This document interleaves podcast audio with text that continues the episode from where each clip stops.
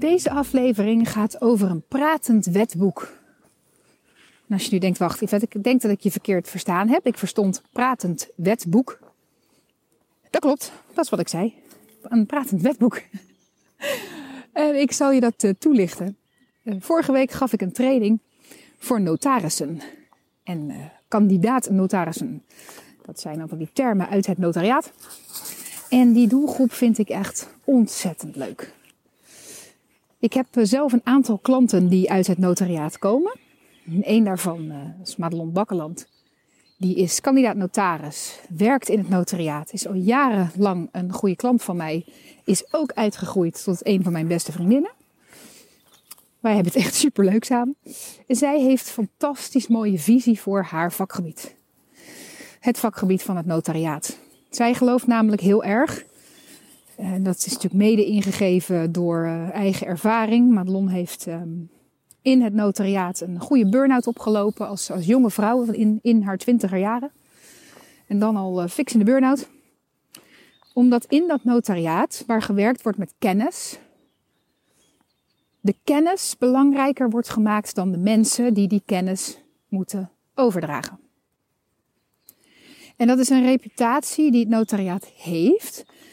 De notaris wordt vaak gewoon gezien als diegene die heel veel geld vraagt voor jouw handtekening onder een of ander juridisch document. Maar bij de notaris denken we niet per se aan een betrokken, gedreven professional die jou helpt bij een belangrijk deel van jouw dagelijks leven. Tenminste, ik dacht daar niet zo aan. Eigenlijk bij de notaris, misschien jij wel.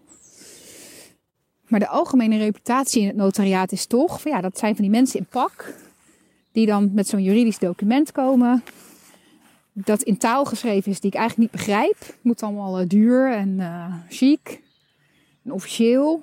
Ik snap eigenlijk de helft niet van wat er staat, maar ik moet wel een paar duizend euro aftikken om dat documentje blijkbaar uh, juridisch geregeld te krijgen. Nou, en Madelon die zegt dan, ik had daar een beetje last van toen ik werkte in het notariaat dat de mens die wij gewoon zijn, en dat houden we zelf in stand in het notariaat, eigenlijk helemaal niet de ruimte kreeg om gewoon mens te zijn in plaats van notaris.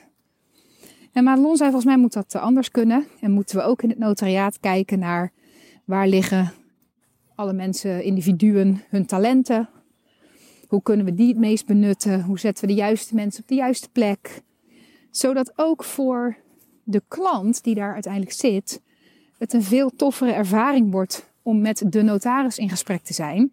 Omdat ze ineens gaan snappen dat ze gewoon van mens tot mens met iemand zitten te praten. Iemand die jou gaat helpen bij dingen die gewoon geregeld moeten worden als je je door het leven beweegt en uh, bijvoorbeeld een huis koopt of uh, gaat samenleven met iemand en je wil dat uh, daar toch iets over vastleggen of als er een testament gemaakt moet worden of als je gaat uitbouwen en je hebt uh, een nieuwe splitsingstekening nodig van je, nou weet ik veel. Er zijn, ik, ik haal nu gewoon ook maar voorbeelden aan die um, misschien helemaal niet zo spannend zijn, waarvan Madelon en haar collega's misschien zullen zeggen, joh, ik heb nog wel veel interessantere voorbeelden dan dat.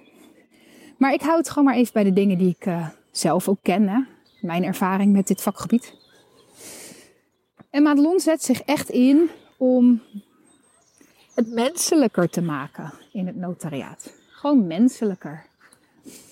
Dat je elkaar gaat begrijpen en zo. Nou, en een van de dingen waar notarissen gewoon heel veel tegenaan lopen, is ja, maar hoe maak je het dan menselijk en interessant en gewoon hè, van, van degene die aan het helpen is naar degene die met een hulpvraag komt, en notaris en, en cliënt. Als ik gewoon tien keer op een dag hetzelfde bandje moet gaan zitten afdraaien. Want ja, als ik op een dag zeven hypotheekactes ga passeren, dan ben ik er toch wel een beetje zat. Moet ik weer die hele akte door? En ja, hoe hou ik dat nou ten, in de eerste plaats voor mezelf interessant, maar ook voor de cliënt? Want die merkt dat natuurlijk ook, hè? Als er iemand tegenover hem zit die denkt, mag ik al naar huis? Ja, die haakt af. Als de notaris in zijn uh, ik draai dit bandje wel even af modus gaat. Dus ik mocht haar een training geven, geïnitieerd uh, door Madelon. Die zei, zullen we weer? Ik zei, ja we zullen. En in die ruimte zaten een aantal uh, kandidaat-notarissen. En een van de dingen die ter sprake kwam, was dat een van onze deelnemers zei: Bij mij haken de jonge mensen vrij vaak af. En ik merk dat ik ze niet zo heel erg erbij kan houden. Hoe hou ik het voor die jonge mensen die daar tegenover een notaris zitten en die beetje gewend zijn aan een snel flitsend leven en nu ineens moeten luisteren naar. Uh, ja, moeten, moeten. Ze zitten daar omdat ze iets willen weten. Ik kan ze daar een antwoord op geven. Maar ja, die stof is gewoon best wel een beetje droog. Zij bijvoorbeeld, ik had laatst een jong stel. Die gingen samenwonen. En daar moest toch iets uh, komen van een samenlevingscontract. Of een andere optie. Maar in ieder geval moest er uh, juridisch iets geregeld worden. Zodat als ze samen dat huis gingen kopen, dat, uh, dat het vast stond. Hè. Gaan we dan voor een samenlevingsovereenkomst? Gaan we voor een geregistreerd partnerschap? Wat is het verschil? Waarom zouden we dat willen? En die jonge mensen hadden er eigenlijk helemaal geen zin in om zich daarin te verdiepen. En zij zei, ja, dan word ik ook een beetje ongemakkelijk. Hoe hou ik het dan leuk? En wat ik zo, eh, ik vond het goud, dat toen ik vroeg, oké, wat zeg je dan bijvoorbeeld, hè? Over het verschil tussen zo'n samenlevingsovereenkomst of een geregistreerd partnerschap. Zei ze, nou, bijvoorbeeld dat bij de ene optie heeft de wet al allerlei dingen voor je geregeld en bij de andere optie niet. Ik zeg, en dat, en dat gaat er niet in bij ze. Nee, nee, nee, dat snappen ze niet. Ik zeg, nou, dat begrijp ik wel. Want hoor je wat je zegt, dan heeft de wet al allerlei dingen geregeld voor je. Ik zeg, is dat dan, uh, ja, dat er een soort wetboek op tafel ligt? Dat dan ineens kan praten en zegt, ik heb voor jullie geregeld dat. Ik maak er dan altijd maar een beetje een grapje van. Maar daar komt dat pratende wetboek eh, vandaan, waar ik mee opende. Is dat het dan? Als je zegt, de wet heeft al dingen voor jullie geregeld. Wat moeten die mensen zich daarbij voorstellen? Ja, zeiden ze, wij zien dan het wetboek. Ik zeg, oké, dus dat wetboek, en dat komt dan tot leven en dat zegt dan, dit heb ik voor jullie geregeld. Dit hoef je niet meer te doen. Nee, nee, nee. Ik zeg, nou, maar wat dan wel? Toen pas gingen ze echt nadenken over wat zeg ik hier nou eigenlijk? Wat zeg ik hier nou eigenlijk? En een van de dingen die ik altijd zeg, ja, als je iemand wil inspireren, dan zul je dingen moeten zeggen waar ze zich iets bij voor kunnen stellen. Dat is gewoon een voorwaarde om een ander te inspireren. En je kan dat nooit bewust doen. Hè? Ik ga jou nu eens even inspireren. Nee, dat heb je altijd maar af te wachten of de ander geïnspireerd is. Dat is de vraag. Maar je kunt wel een aantal dingen doen op de kans daarop aanzienlijk te vergroten. En een van die dingen, dat is gewoon een soort gouden tip. Dus als je het nog niet gedaan had, pak pen en papier en schrijf dit ergens op. Check bij jezelf. Dat als jij iets zegt tegen je klant of je potentiële klant of tegen je kind of tegen een collega of tegen de buurvrouw of de juffrouw van school, maar iemand die je graag iets wil vertellen waardoor die denkt: "Oh, oh, maar wacht, daar kan ik wat mee." Kijk eens of je dingen zegt waar mensen zich ook echt iets bij kan voorstellen. Dus je moet je daar eerst bewust van worden dat wij op dagelijkse basis allerlei taal gebruiken waar een ander eigenlijk niks mee kan. Want wat moet zo'n jong stel? Stel je bent allebei 21, je zit tegenover een notaris en die notaris zegt: Nou, bij optie A heeft de wet al van alles voor jullie geregeld. Ja, betekent dat dan dat uh, er, er, iemand van uh, de rechtbank mij elke dag een ontbijt op bed kon brengen of zo? Hebben ze dat dan? Wat, wat, hebben ze, wat heeft wie geregeld? Ik ben buiten op straat nog nooit de wet tegengekomen. Ik heb nog nooit de telefoon opgepakt en ik heb de wet gebeld. Wat is de wet? En hoe kan de wet, als ik niet weet wat dat is, iets voor mij regelen? Ik kan daar niks mee. Maar stel dat je daarvan maakt, hè? Misschien vraag je je nu af, oké, maar hoe zou je dat dan anders moeten doen? Nou, stel, ik wil dus deze jonge mensen duidelijk maken dat bij optie A mag je het zelf bepalen en bij optie B zit je aan bepaalde regels vast. Stel dat ik zeg, verdienen jullie allebei je eigen salaris? Ja, dat verdienen wij. Oké, hoe zou je het vinden als op het moment dat jullie gaan samenwonen, je per definitie jouw salaris moet delen met je partner? Dat jouw partner automatisch recht heeft op de helft van jouw salaris. Nou, geloof me, dan ga je aan hun gezichten aflezen of ze daar een antwoord op hebben, ja of nee, wat ze daarvan vinden.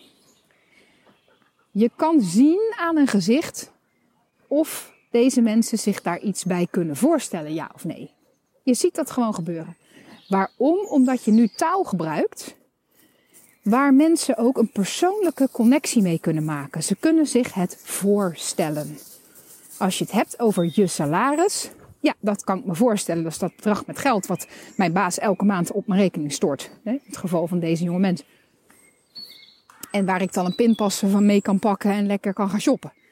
Oké, hoe zou je het vinden als je partner ineens recht, juridisch recht heeft op de helft daarvan? nee, dank je. Nou, dan is optie A niet geschikt voor jullie. Want als je optie A kiest, is dat een van de dingen die per definitie zo geregeld wordt dat de ander daar recht op heeft. Oké. Daar kan iemand iets mee. Ik hoop dat je je dat een beetje kunt voorstellen als ik dit voorbeeld zo noem. En zeker als je een kennisberoep hebt, voor jouzelf is de kennis waar je mee werkt. En misschien herken je dat zelf ook. Als je dit luistert als ondernemer of eh, als iemand die werkt met een bepaalde materie die naar een ander moet. Naar een cliënt of naar een leerling of naar een collega of wat dan ook. Het is voor jou zulke gesneden koek. Jij weet zelf zo goed wat je ergens mee bedoelt. Dat het wat vraagt om het bewustzijn aan te nemen dat degene die tegenover je zit diezelfde vanzelfsprekendheid van wat jij ermee bedoelt niet ervaart. Sterker nog, je mag er in veel gevallen van uitgaan dat degene die met een vraag naar jou toe komt, nog geen idee heeft. Ja, zei deze kandidaat notaris dan. Maar ze hadden wel al een idee, want ze hadden gegoogeld. Ze hadden al gegoogeld op hun opties. Dus dat wisten ze wel. Dus heb je dat gecheckt? Of ben je erachter gekomen dat dat niet zo was doordat jij gewoon hebt aangenomen dat ze die kennis hadden? Toen bent gaan praten en langzaam zag dat ze aan het afhaken waren? Ik denk dat laatste. Als professional doe je er goed aan om te achterhalen wat degene die tegenover je zit precies wel en niet weet. Zelfs als die zegt, oh ja, dit weet ik al, check het even. Ga naar wat controlevragen. Weet hij het? Of mist hij bepaalde informatie? Of weet hij het misschien wel heel goed? Maar zie jij van ja, je hebt de kennis wel, maar je hebt dat nog helemaal niet geïmplementeerd op zo'n manier dat het ook voor je gaat werken. En zo kan jij als professional nog zoveel achterhalen van wat de vraag hier eigenlijk is, dat je daarmee nog een veel hoger niveau van service kan verlenen. Maar dan heb je dus wel dat bewustzijn nodig op A. Hoe vraag je dat uit? Kun je horen als een klant zegt van ja, dit weet ik, dit weet ik, dit weet ik en nu is dit mijn vraag?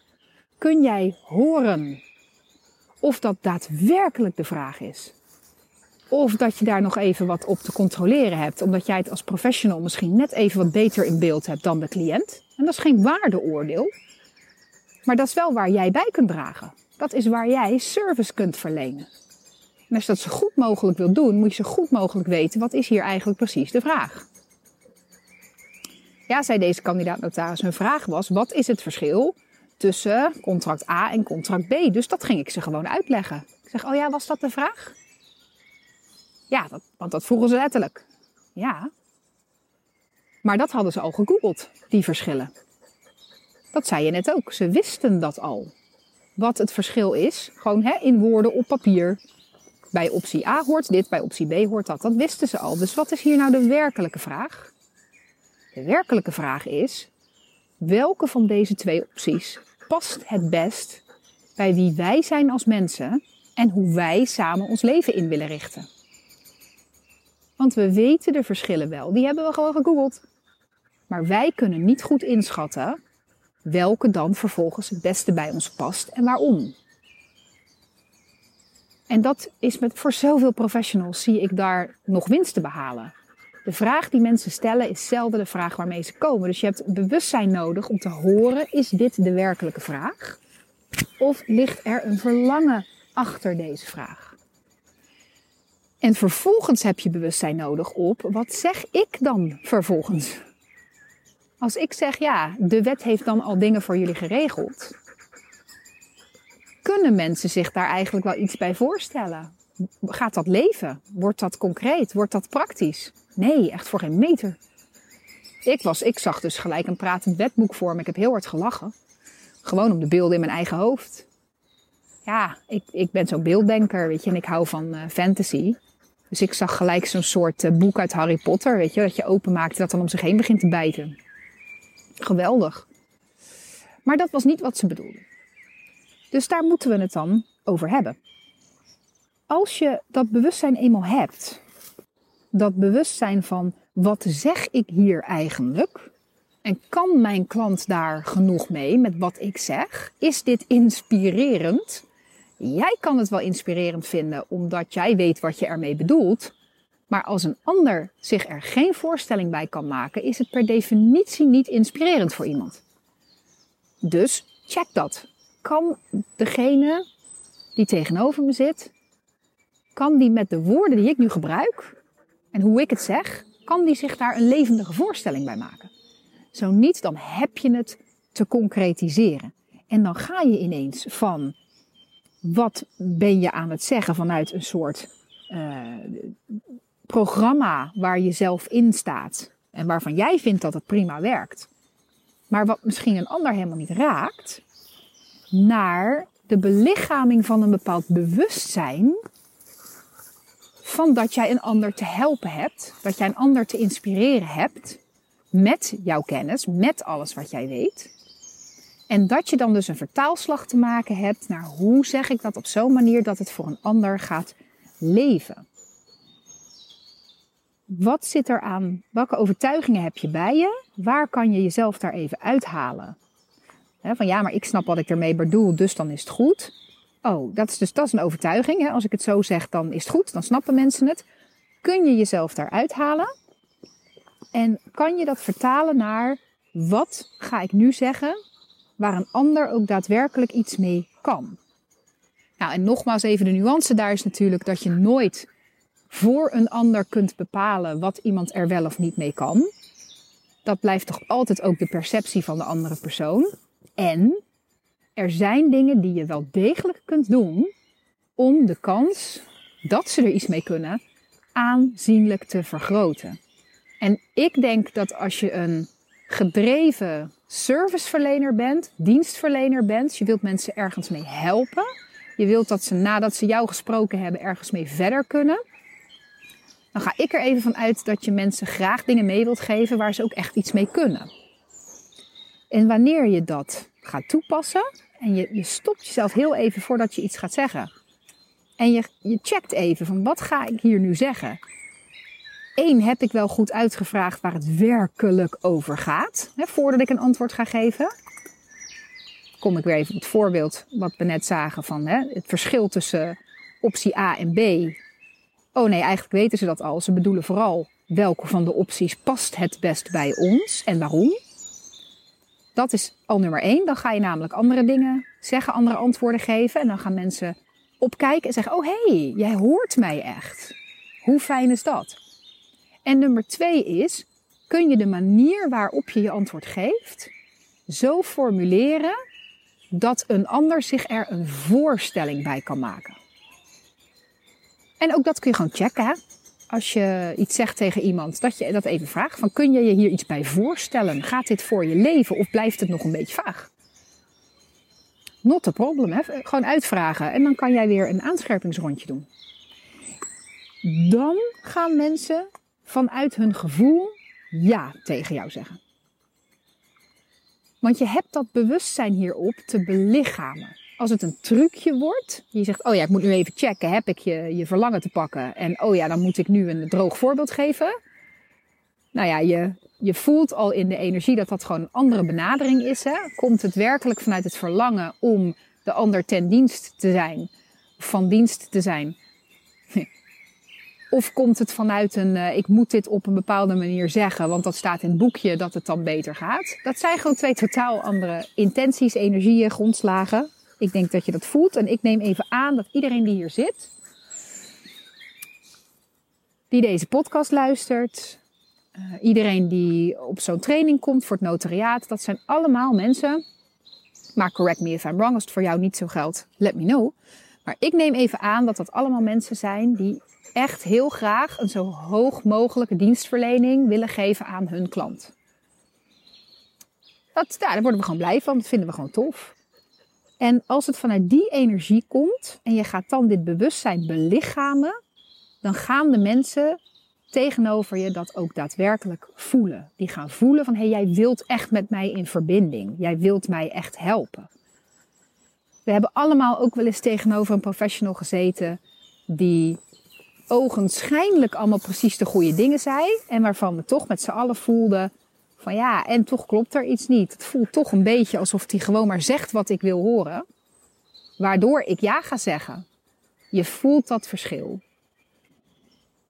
Taal kan nooit een trucje zijn. Als je intentie daaronder niet klopt, als de belichaming daaronder niet klopt, ja, dan kun je lullen als brugman. Dan kun je precies de tussen haakjes goede dingen zeggen. Het gaat mensen niet inspireren. Mensen prikken daar gewoon doorheen. En zeker vandaag de dag, uh, want mensen worden daar ook gewoon steeds gevoeliger voor. Zeker de jongere generaties. Oh jongens, daar kan ik dan weer een hele andere podcast over maken. Maar voor nu hoop ik dat uh, de aflevering over het pratend wetboek en um, het bewustzijn op zeg ik de dingen op zo'n manier dat mijn klant ze ook zich kan voorstellen dat het gaat leven dat dat misschien wel een gamechanger voor je gaat worden. Want dat heeft wel de potentie om het te zijn. Als je het leuk vindt om hierop te reageren, hoe jij het ziet of hoe jij dit uh, wel of niet toepast, of je je afvraagt hoe dat dan voor jou zou kunnen gelden, of er bij jou dan nog dingen zitten die jij meer kunt belichamen, zodat je het anders gaat verwoorden naar mensen toe. Niet vanuit gewoon maar andere woorden kiezen omdat er in het boekje staat, in het handboek van zeg nu dit of zeg nu dat. Maar omdat het vanuit een diepere laag van verbinding komt, waar mensen echt iets mee kunnen. En wat dat voor jou zou kunnen betekenen als je dat gaat, uh, gaat belichamen en inzetten in jouw onderneming, let me know. Ik vind het fantastisch leuk om daar uh, op mee te kijken met je. Je kunt mij bereiken via de socials en de e-mail. De links daar naartoe staan in de show notes bij deze podcast. En uh, voor nu hoop ik uh, dat je er weer iets waardevols uit hebt gehaald voor jezelf. En anders toch op zijn minste geëntertained bent door het mentale plaatje van een bijtend wetboek. Misschien ben ik de enige die zo'n levendige verbeelding heeft en, en daar dan om moet gniffelen om dit soort dingen. Kan ook, is ook oké. Ik wil je in ieder geval weer heel hartelijk bedanken voor het luisteren. Nogmaals, ik hoop dat je er wat aan hebt gehad en ik hoor je heel graag een volgende aflevering. Tot dan, doei doei.